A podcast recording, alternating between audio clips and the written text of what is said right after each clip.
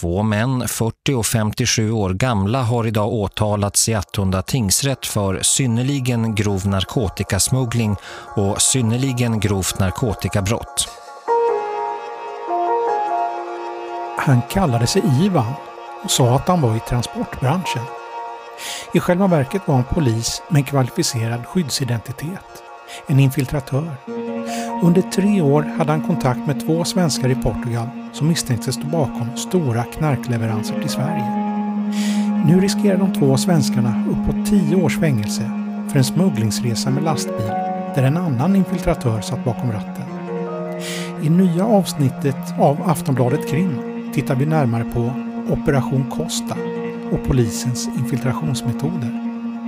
Med mig, Anders Johansson. Prenumerera på podden i din poddspelare eller skaffa Aftonbladets app och lyssna där.